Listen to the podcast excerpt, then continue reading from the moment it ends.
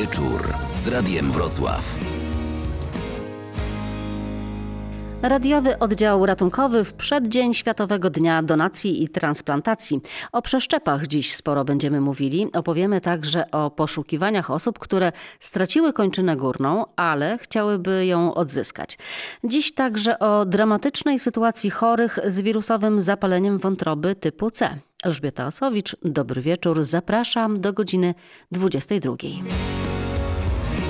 Publicystyka w Radiu Wrocław.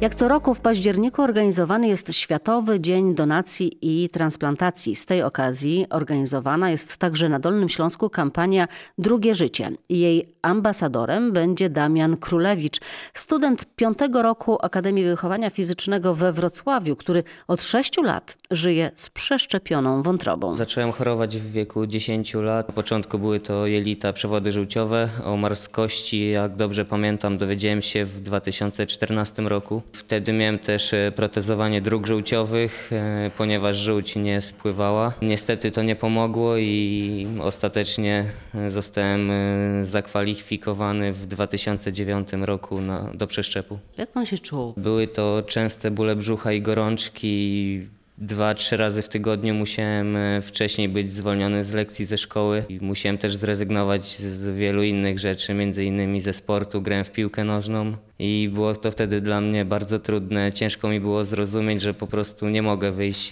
Były dni, kiedy się czułem lepiej. Chciałem wyjść pograć w piłkę, a, ale lekarze mi zabraniali, bo było to zbyt duże ryzyko. Trafił pan na listę. I co dalej? Cały czas musiałem mieć telefon przy sobie. Idąc do szkoły, idąc na basen, musiałem informować ratownika, jaka jest sytuacja. Prosiłem, żeby w razie, gdy telefon zadzwoni, poinformował mnie o tym, bo w każdej chwili mogłem dostać telefon, że jest dla mnie organ. Jak długo pan czekał? Czekałem rok. Gdy dostałem telefon, akurat wtedy spałem i nie ja, odbiera, nie ja odebrałem telefon, odebrał go mój tato, ale Słyszałem, co mówi i od razu wiedziałem, kto dzwoni. Słyszałem, e, jak mówił, czy mamy się pakować, czy mamy już jechać i od razu wiedziałem, e, o co chodzi. E, gdy tato wszedł do pokoju, to już walizka była w połowie spakowana i, i od razu wiedział, że, że, że słyszałem jego rozmowę z koordynatorem z Centrum Zdrowia Dziecka. To było takie życie w gotowości? Było to życie w gotowości, ale też starałem się nie zwariować i starałem się żyć normalnie. Wychodziłem, spotykałem się z znajomymi. Przeszczep. I co się zmieniło? Zmieniło się wszystko. Pierwsze dni były trudne na intensywnej terapii, ale już po przeniesieniu na oddział chirurgii z dnia na dzień było coraz lepiej. Po sześciu, po siedmiu dniach już e, stawiałem pierwsze kroki, a po dwunastu dniach zostałem wypisany do domu. Bardzo dobrze się czułem, wyniki były dobre, więc e, lekarze stwierdzili, że, że nie ma co dłużej leżeć w szpitalu i żebym wracał do zdrowia już w domu. Minęło 6 lat. To było najlepsze 6 lat, e, jakie pamiętam w moim życiu, ponieważ mogłem wrócić do, do rzeczy, z których e, w czasie choroby musiałem zrezygnować. Wróciłem do sportu, poszedłem na AWF, jestem obecnie na piątym roku na kierunku sport, specjalizacja trener przygotowania motorycznego. Ale pan tak sportem teoretycznie się tylko zajmuje, czy też uprawia pan ten sport? Uprawiam też sport i na pewno w powrocie do zdrowia pomogła mi informacja o Stowarzyszeniu Sportu po Transplantacji, do którego należy, jestem członkiem. E, reprezentuję nasz kraj na imprezach międzynarodowych. Są to Mistrzostwa Świata i Europy dla osób po transplantacji. Co pan na tych mistrzostwach robi? E, startuję w chodzie sportowym, jest to moja taka koronna konkurencja, ale też e, biegam i startuję w pływaniu, w rzucie piłeczką. Mamy bardzo dużo osiągnięć na arenie międzynarodowej. E, w 2000, nie chciałbym skłamać, ale chyba to był 2014 rok, organizowaliśmy Mistrzostwa Europy w Krakowie, na których Polska zajęła drugie miejsce w klasyfikacji końcowej. Tam wchodziła ilość medali. A pan też jakiś medal? Mam złoty medal z 2013 roku z Mistrzostw Świata w Durbanie w RPA i w tym roku byliśmy na Mistrzostwach Europy w Finlandii, w Helsinkach, na których e, zdobyłem brązowy medal w biegu na 5 km i złoty w chodzie na 5 km. I nie pana wątroba, chociaż już pana, w tym nie przeszkadza? Nie, nie przeszkadza mi to zupełnie w niczym i gdybym nie musiał brać codziennie leków, myślę, że byłbym w stanie zapomnieć o, o chorobie i o operacji. Zwykle jest tak, że nie wie się, kto jest dawcą. Pan też nie wie. E, Nie znam dokładnych danych, e, dowiedziałem się tylko, że to był e, chłopak i był ode mnie 3 lata młodszy. Miał wtedy 15 lat. Więcej informacji mi nie udzielono. Myśli pan o nim, o rodzinie? Lekarze nie podają danych rodziny i też trudno mi było rozmawiać z rodziną, ponieważ dla nich to jest wielka strata. Ja jestem szczęśliwy, ale, ale pamiętam o nim i, i myślę, że zawsze będę pamiętał. Bo dzięki niemu dalej mogę żyć i, i realizować swoje cele, pasje. Transplantacja w Polsce przeżywa wzloty i upadki po nieco lepszym okresie. Znowu niestety nie jest dobrze, przyznaje dr Dorota Kamińska z Kliniki Nefrologii i Medycyny Transplantacyjnej. Niestety w całej Polsce ilość przeszczepów narządowych dosyć wyraźnie spada w ciągu ostatnich dwóch, trzech lat. Taki najlepszy rok 2012 mamy już zdecydowanie za sobą. Y, Co roku ilość zmarłych dawców w Polsce spada. Więc i ilość wykonywanych przeszczepów również jest mniejsza. Dlaczego? Ze względu na brak dawców, ze względu na brak zgłaszanych dawców, y, nie ma właściwie przeprowadzonej identyfikacji dawców i niektórzy, którzy i tak przecież umierają, po prostu nie są zgłaszani jako potencjalni dawców narządów. To ja jeszcze raz zapytam, dlaczego? Brakuje systemowego uregulowania, które by jakby ułatwiało lekarzom intensywnej opieki medycznej, no bo o nich mówimy, o anestezjologach. Przeprowadzenie tych procedur, one są dość skomplikowane, wymagają dużego nakładu pracy i nie są jakby ujęte w obowiązkach y, lekarzy. Nie, nie ma na to specjalnego przewidzianego czasu, więc zawsze są dodatkową pracą, która należałoby wykonać. Czyli musi być człowiek, który po prostu jest zapaleńcem. Tak, w każdym szpitalu, w każdym oddziale mm, intensywnej opieki medycznej musi znajdować się koordynator transplantacyjny, który rzeczywiście jest oddany swojej pracy i to jest jedyne rozwiązanie. Taka osoba, która identyfikuje się z miejscem, gdzie pracuje, której zależy na tym, która sprawdzi wszystkie rzeczy i, i będzie pracowała w tym miejscu, a nie będzie na przykład osobą dochodzącą. Jak to na Dolnym Śląsku y, wygląda w liczbach też? Bo ja pamiętam takie szpitale, już nie będę wymieniała w tej chwili nazwy szpitali, ale szpital, powiedzmy jeden z wielu dużych, gdzie rocznie umiera około tysiąca pacjentów i nie było ani jednego pobrania. Czy są też takie przypadki? Oczywiście, jest bardzo wiele szpitali na Dolnym Śląsku, które nam nie zgłaszają żadnych dawców. Są też A mają taki obowiązek? Tak, każdy szpital ma wpisane w swoich zasadach działania obowiązek zgłaszania zmarłych dawców. Nie robią i I nic, nie ma tych dawców. Y, Na Dolnym Śląsku sytuacja jest zła, ale stabilna, powiem tak. Nie w przeciwieństwie do reszty Polski, e, może dlatego, że już trzy lata temu mieliśmy bardzo dramatyczny spadek e, ilości zgłaszanych dawców, no to od tych trzech lat powiedzmy sytuacja się nie pogarsza, ale też nie poprawia znacząco. co to oznacza dla pacjentów? To oznacza dla pacjentów tylko tyle, że po prostu część z nich umrze nie doczekawszy przeszczepu, ponieważ mamy stałą i właściwie cały czas rosnącą ilość osób, które wymagają leczenia przeszczepem, nie tylko przeszczepem nerki, ale też przeszczepem wątroby, przeszczepem serca, przeszczepem płuca i tych osób przybywa. Natomiast jeśli mamy taki niedobór narządów do transplantacji, to po prostu osoby z listy oczekujących umrą. Te, które czekają na narząd, który bezpośrednio daje życie, czyli na przykład nerkę, y, czyli na przykład wątrobę, serce, czy też płuco, umrą szybciej. Natomiast musimy też pamiętać o tym, że przeszczep nerki nie tylko poprawia jakość życia naszych pacjentów, ale też życie mniej więcej trzykrotnie wydłuża, więc oni po prostu umrą tylko trochę później. Trochę mówimy tak o liczbach, a za tymi liczbami są ludzie, tacy, z którymi pani się spotyka, pani z nimi rozmawia. Jakie to są sytuacje? Tak, no to są, ja zawsze stoję po stronie, po której pacjenci czekają na transplantację, no albo mam też kontakt z tymi, którzy już są po transplantacji. Dla nich to jest zupełnie nowe życie.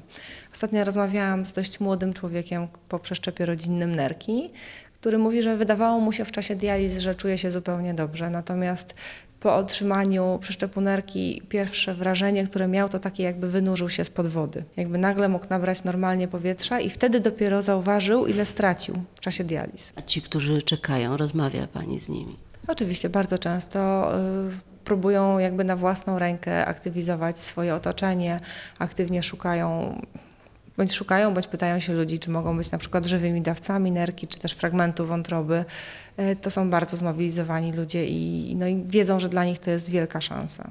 No właśnie, przeszczepy rodzinne. Jak, jak tu wygląda sytuacja? Przeszczepy rodzinne w Polsce rosną, ale bardzo powoli. W zeszłym roku było wykonanych 60 takich przeszczepów rodzinnych nerki. W naszym, w całej Polsce, no to oczywiście jest żałośnie mało, ponieważ e, procentowo na świecie to jest mniej więcej połowa wszystkich przeszczepów nerki, które się wykonuje w, w takich krajach jak Stany Zjednoczone Ameryki, czy też Holandia albo kraje skandynawskie. Polsce to jest 4-5%. W naszym ośrodku akurat y, wyraźnie więcej, ponieważ u nas te przeszczepy rodzinne sięgają 20-25% wszystkich przeszczepów nerki. Dzięki bardzo aktywnie prowadzonej kampanii e, wyjazdów do szkół, rozmów z rodzicami, wykonaliśmy swoje plakaty, które rozwiesiliśmy w bardzo wielu miejscach, między innymi w poradniach nefrologicznych, w szpitalach. Osoby z zespołu i kliniki nefrologii, i kliniki chirurgii naczyniowej jeżdżą bardzo często na konferencje, na szkolenia, na rozmowy z pacjentami w innych stacjach dializ na przykład i to rzeczywiście przynosi efekty. My rocznie około 40 par e, badamy w kierunku przeszczepienia.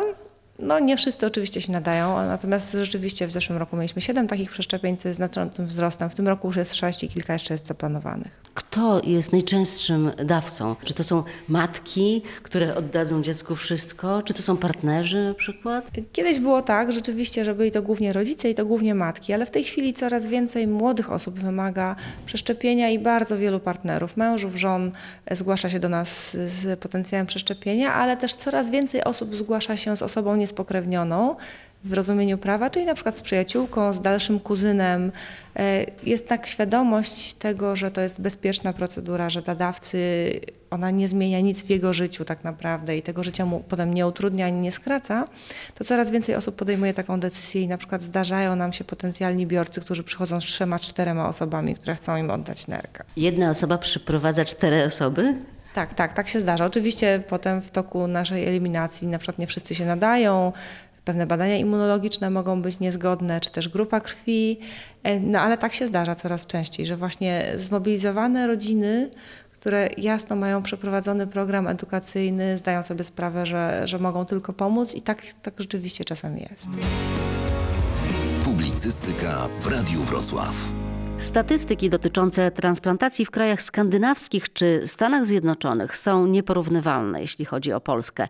Jakie są najciekawsze rozwiązania, które warto by może powielić w naszym kraju? Pierwszą trudnością dla pacjenta, który potrzebuje przeszczepu jest poproszenie o niego. Tak? No nie wyobrażam sobie sytuacji, w której ja przychodzę do mojej rodziny i mówię, słuchajcie, kto mi odda nerkę? Bo to tak trochę nie jest tak. Ponieważ przeszczep nerki, pomijając wszystkie aspekty etyczne i dobre dla chorych, jest dużo tańszy dla społeczeństwa ponieważ mniej kosztuje niż ciągłe leczenie dializami, to w krajach, które ten program transplantacyjny mają ustalony już od bardzo wielu lat, system działa w kierunku promocji przeszczepiania. To znaczy każdy chory, na przykład z przewlekłą chorobą nerek w Holandii, zanim zacznie być dializowany, ma obowiązkową do odbycia wizytę pracownika socjalnego i psychologa u swojej rodziny. Takie spotkanie rodziny i przyjaciół, które jest obowiązkowe, bo on to musi mieć gdzieś tam wpisane w papierach, na których e, przeszkolone osoby, które mają przeszkolenie jako właśnie koordynatorzy takich przeszczepień od żywych dawców, tłumaczą na czym polega dializoterapia, jak bardzo źle jest w czasie takiego leczenia, mówią na czym polega przeszczep, że jest on bezpieczny dla dawcy, mówią jak to się wszystko załatwia i zawsze po takim spotkaniu, oczywiście, że kilka osób z najbliższego otoczenia pacjenta zgłasza się jako potencjalni dawcy. Tak? Nie pacjent chodzi i się pyta, wujku, może oddasz minerkę, bo to w ogóle nie tak jest, tylko samo państwo jakby kieruje aktywność i pewien przepływ pieniędzy na promocję tańszego sposobu leczenia, tańszego i najlepszego, jaki istnieje. Kiedyś problemem było to, tym podstawowym takim, że rodziny odmawiały to nadal też jest problem? Tak, to znaczy to nie jest jakiś bardzo wielki problem, ale rzeczywiście istotny, jeśli chodzi o dawców zmarłych. Musimy sobie przypomnieć, że w Polsce według prawa rodzina nie jest mm, właścicielem naszego ciała ani jak żyjemy, ani jak umrzemy. W związku z czym my, tylko my możemy podjąć decyzję, czy chcemy być dawcą, czy nie. I według polskiego prawa każdy, który nie zrobi nic w czasie swojego życia, jest potencjalnym dawcą po śmierci. Więc rodziny nie pytamy się o to, czy rodzina się zgadza na oddanie narządów swojej bliskiej osoby, która umarła, tylko pytamy się, czy wie, że za życia ta zmarła osoba wyraziła swoją wolę sprzeciwu, na przykład w postaci pisemnej, na przykład w postaci rozmowy z rodziną, czy też rejestracji w tak zwanym centralnym rejestrze sprzeciwów. Czyli generalnie dalej podkreślamy, rodzina nie jest właścicielem naszego ciała, a więc nie decyduje o nas nawet po śmierci, pytamy o naszą wolę za życia. Jak na to rodziny reagują? Bardzo różnie. Większość rodzin oczywiście się zgadza. Są też takie rodziny, i to na przykład są rodzice dzieci małych, które czasami umierają, które same przychodzą i pytają, czy, czy ich dziecko, czy ich osoba, która umarła, mogłaby być dawcą, bo mają poczucie chęci przedłużenia w pewnym sensie życia tej osoby w kimś innym. No ale są też oczywiście osoby, rodziny, które e, nie, nie zgadzają się i bardzo szybko sobie radzą z tą sytuacją, mówiąc, że właśnie zmarła osoba nigdy by tego nie chciała. Transplantolodzy mówi się, że zwykle pracują po nocach. Co dla Pani jest najpiękniejsze, a co też najtrudniejsze? Najtrudniejsze chyba jest to, jeśli mam pacjenta, który czeka na najlepszą formę leczenia, którą jest przeszczep, a ja nic nie mogę dla niego zrobić, tak? bo po prostu nie mam od kogo przeszczepić mu tego narządu i czasami patrzę, jak umiera. A najpiękniejsze jest naprawdę to, jeśli mogę uwolnić pacjenta od przyjeżdżania do nas trzy razy w tygodniu. Jak widzę potem pacjentów, którzy uprawiają sport, którzy aktywnie pracują, prowadzą swoje firmy, jak kobiety rodzą dzieci i przysyłają nam zdjęcia właśnie kolejnych noworodków szczęśliwie urodzonych, e, jak przychodzą całe rodziny.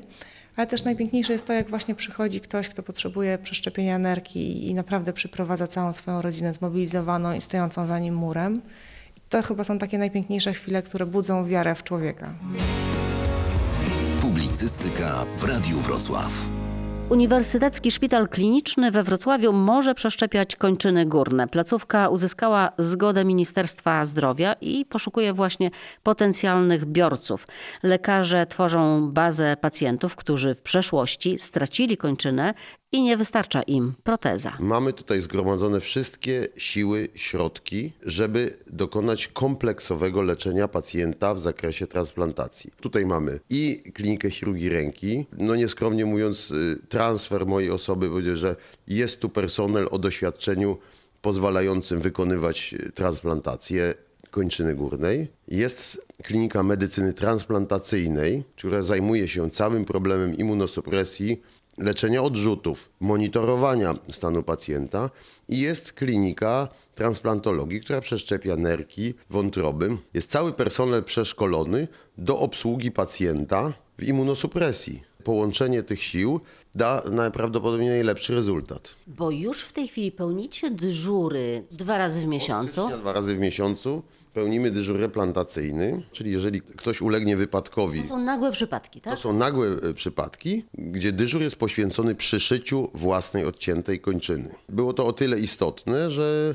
żeby podtrzymywać załogę w stałej gotowości i doskonaleniu procedur mikrochirurgicznych, rekonstrukcyjnych, dyżur replantacyjny jest jakby rzeczą niezbędną, bo nie wyobrażam sobie dokonania transplantacji bez wcześniejszych umiejętności replantacyjnych. To jest dla mnie warunek sine qua non, czyli trzeba mieć na koncie przyszyte 10 różnych fragmentów kończyn, żeby można było w sposób odpowiedzialny podejść do transplantacji. Bo o ile replantacja może się nie udać, z różnych powodów, no to transplantacja już ma ten, to bardzo wąskie. To ona nie może się nie udać z powodów technicznych. Ona może się nie udać z powodów biologicznych bo organizm pacjenta dokona odrzutu, ale z odrzutem radzimy sobie na drodze farmakologicznej. Natomiast technicznie transplantacja musi być przygotowana absolutnie w 100%. I właśnie chcąc się do tego przygotować, tworzycie listę osób, które potrzebują takiej transplantacji. Wykorzystujemy tutaj antenę radiową, żeby zaapelować dla ludzi, którzy stracili kończyny górne i ze względów życiowych poprawy jakości życia, możliwości powrotu do pracy, chcieliby kończyny odzyskać, uzyskać jakiś lepszy efekt niż proteza i bardziej trwały, a przede wszystkim z punktu widzenia pacjenta znacznie mniej kosztowny, bo przeszczep jest refundowany przez państwo. Proteza dobrej klasy niestety musi być kupiona przez pacjenta sobie samemu. Donacja, czyli oddawanie narządów w Polsce ciągle jeszcze nie jest doskonała, czyli ludzie umierają i zabierają niepotrzebnie ze sobą narządy do grobu. To już papież powiedział, żeby nie zabierać narządu ze sobą do nieba, bo one są nam niepotrzebne. I trzeba uszanować każdy akt donacji. Niemożność wykorzystania tej donacji, prawda, kiedy jest dawca, kogoś wędrówka na tej ziemi się zakończyła, a jest możliwość, żeby fragmenty jego ciała pomogły innym ludziom, to musi być w 100% wykorzystane. I żeby zgrać parę dawca-biorca, warunkiem jest ta sama grupa krwi i w przypadku kończyny antropologiczne podobieństwo, czyli wielkość ręki, długość. I żeby te pary zgrać, musi mieć odpowiednio szeroką bazę biorców, żeby każdy człowiek, który umrze, a zdecyduje się oddać swoje narządy po śmierci komuś innemu, znalazły biorcę, a nie żeby się zmarnowały, dlatego że nie będzie odpowiedniej ilości biorców. W tej chwili jest tak, że czekający na przeszczep nerki są na ogólnopolskiej liście, czekający na przeszczep wątroby są i wiadomo, jest cała lista, baza, telefony do nich.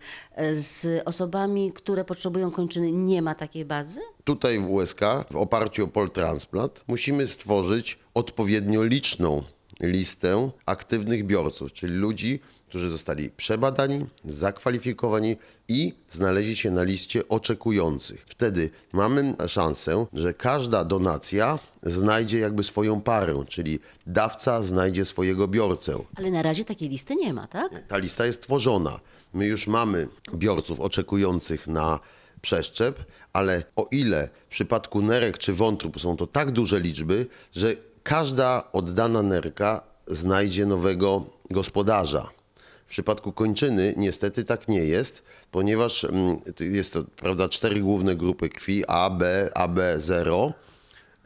Ym, o, I jeszcze musimy mieć zgodność, powiedzmy, wyglądu zewnętrznego, estetycznego. To komplikuje sytuację, bo zdrowe serce odpowiedniej grupy będzie pasowało, wątroba będzie pasowała, nerka będzie pasowała, czy ona będzie większa, czy mniejsza.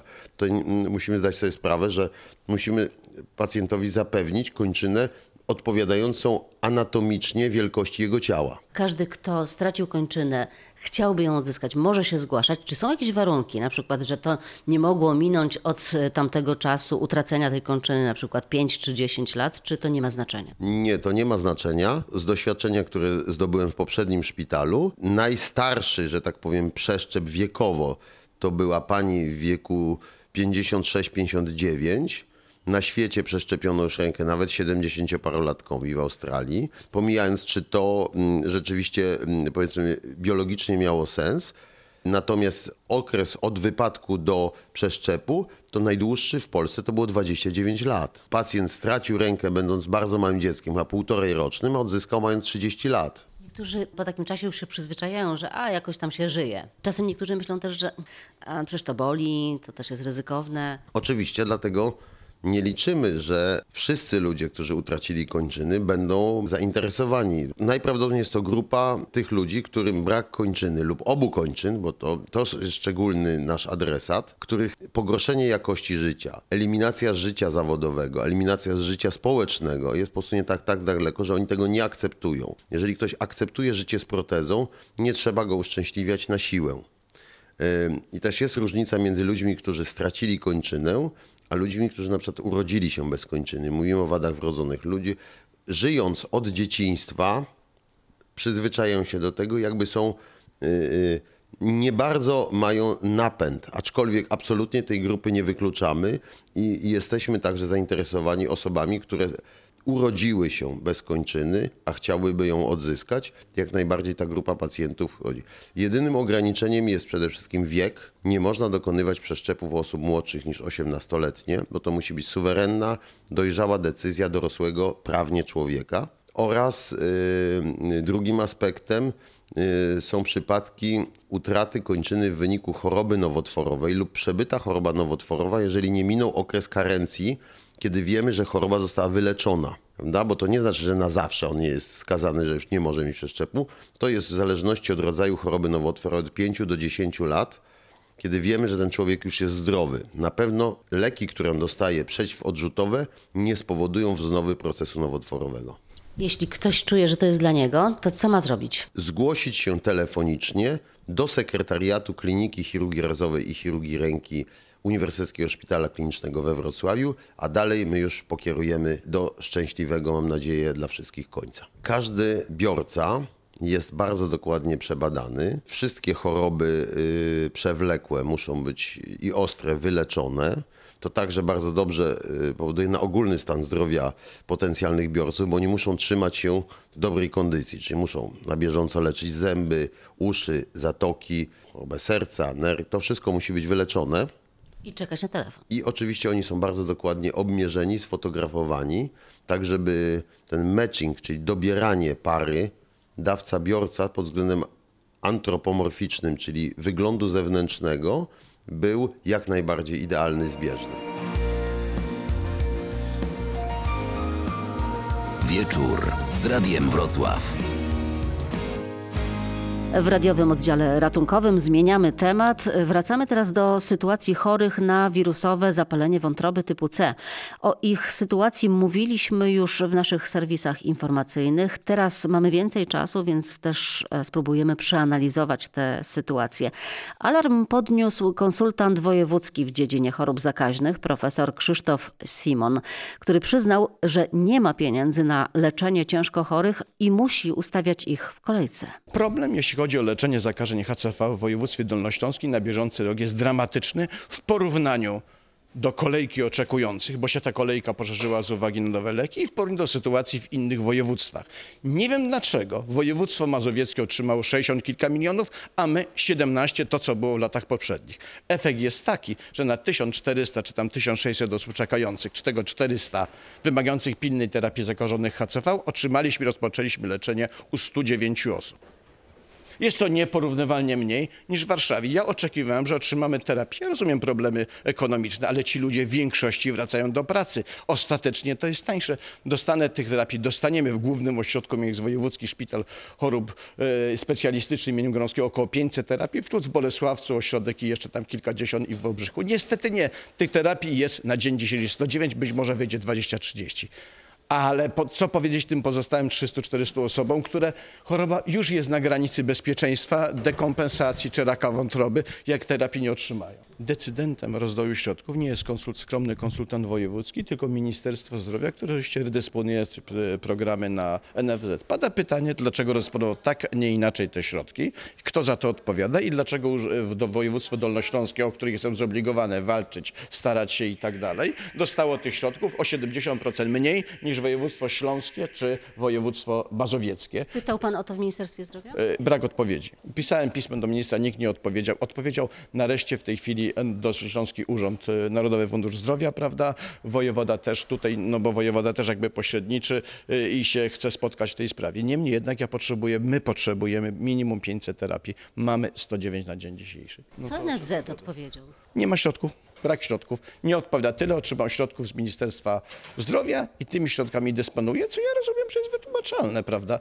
Ale to jest poza mną. Jeśli odetnę tą grupę, która pilnie wymaga w ciągu trzech miesięcy tych kilkuset terapii, ale będą nowi, co miesiąc wpisujemy 40-50 nowych osób, pamiętajcie Państwo, co miesiąc 40, 50, 70 nowych osób zakażonych, w tym oczywiście 10 takich, takich ciężkich, to ci, którzy są przewlekli i mogą czekać, ale mogą też postępować, na dzień dzisiejszy będą czekali przy tych nakładach środków 8,6 lat. Jakie są koszty leczenia? Bardzo duże, proszę Państwa. Te leki są wyjątkowo kosztowne, ale są też wyjątkowo skuteczne. Praktycznie wyleczamy w 95-98%.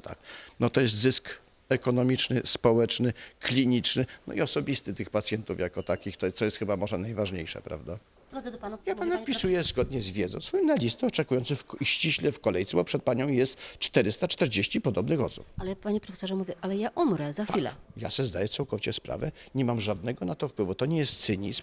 Tak jest po prostu. Marcin Rutkowski z Dolnośląskiego NFZ-u tłumaczy, że w regionie pieniądze zostały przeznaczone na inne programy lekowe. Jest tak, jak pan profesor mówi, jest tak, jak pani mówi, nakłady na e, terapię WZW typu C są rzeczywiście na Dolnym Śląsku relatywnie niskie, natomiast e, no, pragnę podkreślić, że mamy do finansowania jako Narodowy Fundusz Zdrowia około 70 programów lekowych.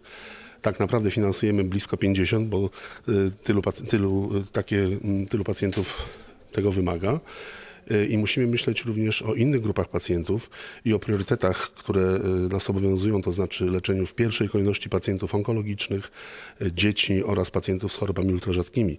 Y, Pozostałe środki dzielimy tak sprawiedliwie, jak to tylko jest możliwe. Dlaczego wobec tego pacjenci chorujący w Mazowieckiem mają większe możliwości leczenia niż ci chorujący na Dolnym Śląsku? Tu też profesor pokazywał, że tam na pacjenta jednego przypada 12 zł, a tutaj na Dolnym Śląsku niecałe 6. Profesor y, przedstawiał te dane wyłącznie w odniesieniu do programu lekowego leczenia WZW typu C.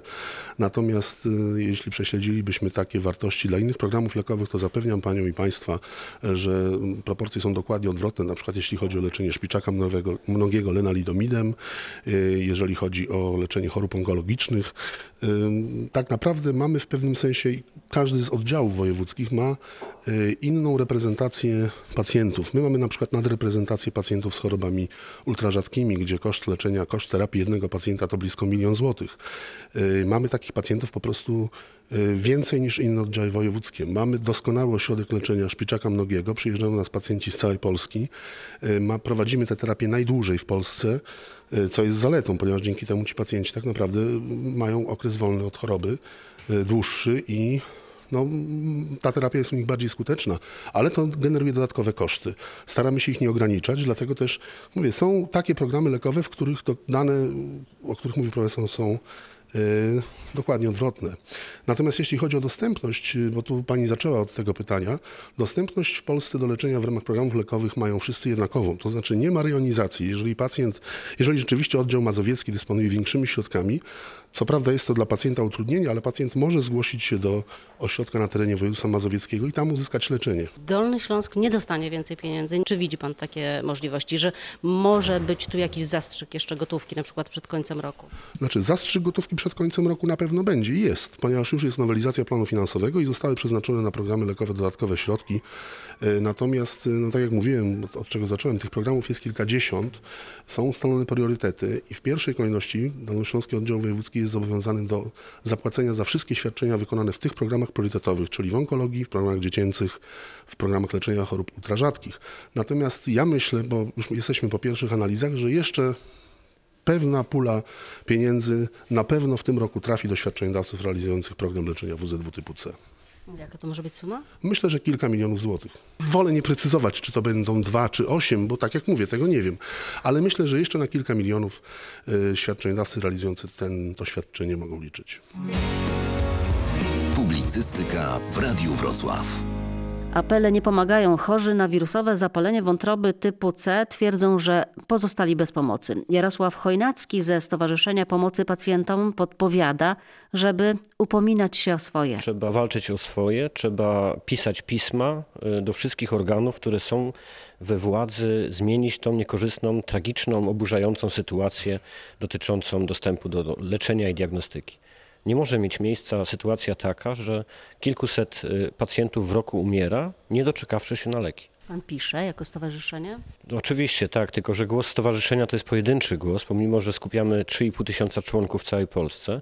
Natomiast pojedyncze pisma, mm, po- pojedynczych przypadków, opisy tragedii y, poszczególnych pacjentów, którzy oczekują w kolejce niejednokrotnie parę lat, y, wywierają większy wpływ, czyli masowe pisanie pism, y, skarg do NFZ-u, do Ministerstwa Zdrowia, do premiera, do prezydenta, do wszystkich organów, które mogą zmienić tą sytuację. Przed chwilą rozmawialiśmy z przedstawicielem NFZ-u. On mówi, nie mamy pieniędzy. Koszt ekonomiczno-społeczny nieleczenia jest wyższy moim zdaniem niż koszt leczenia, dlatego że nieleczenie prowadzi na przykład do e, potrzeby transplantacji wątroby, która jest e, e, cztero-pięciokrotnie droższa niż leczenie przeciwwirusowe. Należy pamiętać, że no, te osoby zostały zakażone w szpitalach. To są ofiary błędów medycznych w granicach 85% według naszych statystyk stowarzyszenia. 85% zakażonych w Polsce ludzi to są osoby zakażone w szpitalu poprzez diagnostykę inwazyjną, poprzez zabiegi medyczne i te osoby należy leczyć choćby ze względu na to, żeby naprawić błąd, który wo- wobec nich ktoś dokonał. Pisać to jedno do urzędników, ale sam pan widzi, że odpowiedzi specjalnie nie ma, a taka droga jak droga, na przykład kupuję sobie sama lek, płacę za niego i idę do sądu. To jest problem złożony, dlatego że ludzie często dowiadują się po wielu, wielu latach o swoim zakażeniu dopiero, po 20, 30. Często wiemy nie już. wiedzą, kto ich zakaził. Często nie, nie zdają sobie sprawy, jak, y, że taką sprawę można założyć. Obawiają się kosztów, że poniosą jakieś straty finansowe ze względu na y, powództwo cywilne. Y, Te sprawy roszczeniowe są niezmiernie trudne i rzadko dochodzi do wygrania, ponieważ strona, strona broniąca wskazuje na 10 innych miejsc, gdzie mógł ulec zakażeniu taki pacjent. Ale ja nie mówię o skarżeniu szpitala, który ewentualnie mnie zakaził. Mówię o skarżeniu NFZ-u, że odmawia mi finansowania leczenia. Nie jestem prawnikiem, natomiast jeżeli e, to mogłoby pomóc, to czemu nie? Nie zna pan takich przypadków. E, Nie, natomiast e, wiem, że próbowano leczyć się za granicą, gdzie dostęp do leczenia jest dużo lepszy e, i sprawy e, no, były rozstrzygane e, no, różnie. Jedne były wygrywane, drugie przegrywane, dlatego że na takie leczenie za granicą NFZ musi wyrazić zgodę. NFZ nie wyraża zgody na leczenie za granicą przeciwwirusowe, twierdząc, że w Polsce jest dostępne, A jest? a jest e, ograniczone i niemożliwe do, do uzyskania. Rozmawia pan z tymi ludźmi, którzy, których ten problem dotyczy. Co oni mówią? no, są rozgoryczeni. Uff, To jest ciężki temat, dlatego że mm, no, tych ludzi zakażyła służba zdrowia. Ja mam takich 10-15 telefonów, gdzie po prostu no, nie potrafię im pomóc. Nie potrafię im pomóc, dlatego że no, sytuacja jest taka, jaka jest. We Wrocławiu, w Gdańsku, w wielu miastach w Polsce czeka się po 10 lat na leczenie. 10 lat. Osoba, która uległa zakażeniu podczas, nie wiem, cesarskiego cięcia, tu ma małe dziecko, tutaj ciężka niewydolność wątroby i, i brakuje leki, brakuje leków. Trudno cokolwiek doradzić. E, Najczęściej e, wskazujemy drogę zakupu leków generycznych z zagranicy. Natomiast państwo nasze robi nam podgórkę w tym temacie również, dlatego że e, ogranicza możliwość e, zakupu tych leków poprzez przesyłki kurierskie.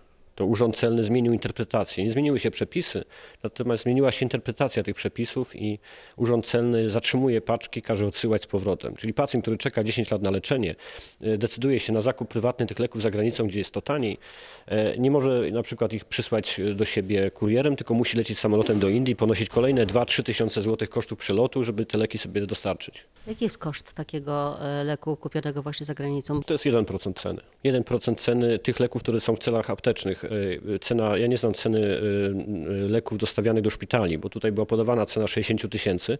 Natomiast gdyby pacjent chciał kupić te leki w aptece, zamówić sobie z hurtowni farmaceutycznej, no to te leki by kosztowały go od 160 nawet do 400 tysięcy. Takie są ceny leki, leków na rynku w aptece. Dla szpitali oczywiście to się e, odbywa za pomocą e, przetargów, e, gdzie te leki są, ceny są obniżane do sprzedaży iluś tam wie, wielu terapii dla wielu pacjentów. Natomiast, natomiast jeżeli chodzi o te leki generyczne, no to jest koszt rzędu 1000 dolarów na przykład.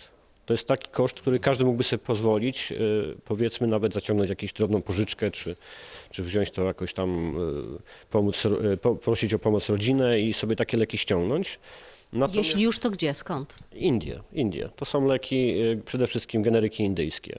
Natomiast ja jestem trochę przeciwny temu. Dlaczego? Dlatego, że dochodzi do takiej sytuacji, że pacjenci nie wychodząc z domu, nie wychodząc za komputera, sprowadzają sobie leki albo lecą do Indii, przywożą sobie leki bez wiedzy lekarza, bez y, diagnostyki, bez właściwego nadzoru, bez właściwego zalecenia, jakie leki mogą brać, jak długo, w jakiej dawce. Y, y, Leczą się po prostu. No, taka jest smutna prawda, ale to powoduje sytuacja braku dostępu do leczenia refundowanego z NFZ. Gdyby pacjent nie musiał czekać 10 lat w kolejce, to on by nie leczył się na własną rękę. Ja myślę, że ludzie po prostu chorzy są zdesperowani i złapią się każdej możliwości. Te leki są skuteczne tak samo jak te leki produkowane dla Unii Europejskiej. Podejrzewam, że wiele z tych leków generycznych jest produkowane w tych samych fabrykach, y, jak te leki, które są u nas na rynku dopuszczone przez Unię Europejską. Przez internet można zamówić je bez recepty, tak? Można zamówić je bez recepty, tak. Y, Natomiast, y, natomiast no my zachęcamy do tego, żeby jednak było przed tym poprzedzone to jakąś wizytą u lekarza, żeby było zalecenie co do stosowania, czasu trwania terapii, ilości jakich leków, rodzaj leków, prawda, i jakaś kontrola lekarza podczas tej terapii, bo, bo no przestrzegam ludzi przed, przed takim leczeniem na własną rękę, bo to nie są jednak witaminki. Niektórzy chorzy z Dolnego Śląska jeżdżą na leczenie do Warszawy. Tamtejszy NFZ przeznaczył na terapię więcej pieniędzy, więc jest szansa na to, że tam można skorzystać z leczenia. Publicystyka w Radiu Wrocław. Leczenie chorych to jedna sprawa, a druga to fakt, że wielu zarażonych wirusem HCV nawet nie wie o tym, że są jego nosicielami. Zdiagnozowanych jest zaledwie 15% zarażonych. Dr Tomasz Prycel, prowadzący w Polsce kampanię edukacyjną. Wirus y, zapalenia wątroby typu C, cichy zabójca, nie daje przez wiele lat objawów. Żeby się stwierdzić, czy jesteśmy nosicielami i czy mamy proces aktywny, chorobowy, trzeba poddać najczęściej diagnostyce. Oczywiście, jeżeli choroba jest w fazie ostrej, to daje to sygnał klinicystom i wtedy już jest diagnostyka i wiadomo, tak? Ale jeżeli ch- choroba przechodzi w okres przewlekły i, i jest bezobjawowa, wtedy jedynym sposobem do czasu późnych konsekwencji no jest po prostu wykonanie badań diagnostycznych. Tak? Yy, Każdy chętny może sobie zrobić badanie, diagnoz, test na y, obecność przeciwciał y, przeciwwirusowemu zapaleniu wątroby typu C, ale szczególnie powinni to robić ci, którzy są z grupy ryzyka. Te grupy Robią? Widzi Pani, właśnie świadomość jest niewielka. Roz, zastanawialiśmy się w, w ramach tych debat regionalnych, dlaczego. E, Z jednej strony być może pacjenci nie wiedzą jeszcze, że jest bardzo skuteczna terapia. Klinicyści mówią, wszemi wobec, proszę Państwa, choroba przewlekła, która do tej pory nie była wyleczalna, tylko mogliśmy ją trochę zaleczyć, nagle stała się wyleczalna. Terapie są skuteczne w 99 do 100%. To jest dla mnie, jako również lekarza, jest to wspaniałe uczucie, kiedy słyszę klinicystów, którzy mówią, można wyleczyć pacjenta z choroby przewlekłej. Tym bardziej takiej, która do tej pory po prostu no, e, nie była wyleczalna i dawała straszliwe skutki w odległej perspektywie. Bo to były marskości wątroby i rak pierwotny wątroby. Tak? No dobrze, ale trzeba wiedzieć o tym, że się tego wirusa ma. Trzeba wiedzieć. Teraz pacjenci nie chodzą, nie, nie diagnozują. Powód przyczyn jest kilka. Jedna jest taka, że pacjenci być może właśnie bali się tego, że mm, co z tego, że się zdiagnozuje, skoro będę poddany ewentualnie ciężkiej terapii z objawami ubocznymi, a i tak coś mnie tam czeka, tak? Więc może lepiej nie chcę znać wyroku. Z drugiej strony lekarze y, POZ-u również mogą też nie wiedzieć, do, nie być do końca na bieżąco z wiedzą, bo te terapie wchodziły szczególnie do Polski w ciągu ostatnich dwóch lat, tak? Więc lekarze POZ-u mają ogromny ogrom e, obowiązków, w tym e, samokształcenia, a HCV to jest dość wąski e, wycinek, więc Ja powiem panu na przykładzie. Czasem się pojawiam u lekarza. Jeszcze nigdy nie usłyszałam, żeby którykolwiek mi powiedział, proszę zrobić badanie w kierunku HCV. Nigdy. Dlatego w takim modelu, który my proponujemy, gdzie samorządy mogą wykonywać zadania komplementarne do tego, co finansowane jest ze- przez e, NFZ, e, samorządy mogą finansować diagnostykę w grupach ryzyka, diagnostykę, wykrycie po prostu, czy ktoś jest nosicielem wirusa HCV oraz edukację. I ta edukacja jest skierowana z jednej strony do społeczeństwa, ale z drugiej do lekarzy POZ-u i do personelu. Bo o tym trzeba pamiętać. Lekarzom i w ogóle też całemu personelowi medycznemu trzeba wspominać, słuchajcie, grupy ryzyka są takie i takie, trzeba wykonywać testy. Ponieważ teraz osoba, która będzie yy, zdiagnozowana, no po prostu można ją skolejkować, a w przypadkach nagłych czy tam pilnych po prostu wdrożyć leczenie. Nie robią tego, bo to badanie jest drogie? I to jest paradoks. Badanie jest tanie. Tym bardziej e, zachęcamy samorządy. Znaczy, jakby, jeżeli do tej pory regulator centralnie nie podjął takiej decyzji, żeby badanie, e, badanie na wykrycie styczności z wirusem typu C było w koszyku świadczeń lekarza POZ-u, to jeżeli tego nie ma, to chociaż niech sfinansują to samorządy. I jest już kilkanaście samorządów, które robią takie działania. Mm, Jednym z najbardziej doświadczonych jest województwo kujawsko-pomorskie, które to w ciągu trzech lat działania takiego programu z, y, przebadało około 20 tysięcy pacjentów i wykryto dzięki temu 100, około 170 przypadków y, aktywnego WZW typu C. I ci pacjenci weszli dalej w, y, w terapię. Dane takie ogólnopolskie dotyczące tego, tej wykrywalności są jakie? 85% y, nosicieli tego wirusa nie wie, że y, jest nosicielami tego wirusa. Grupy ryzyka to między innymi osoby po przetoczeniach krwi, szczególnie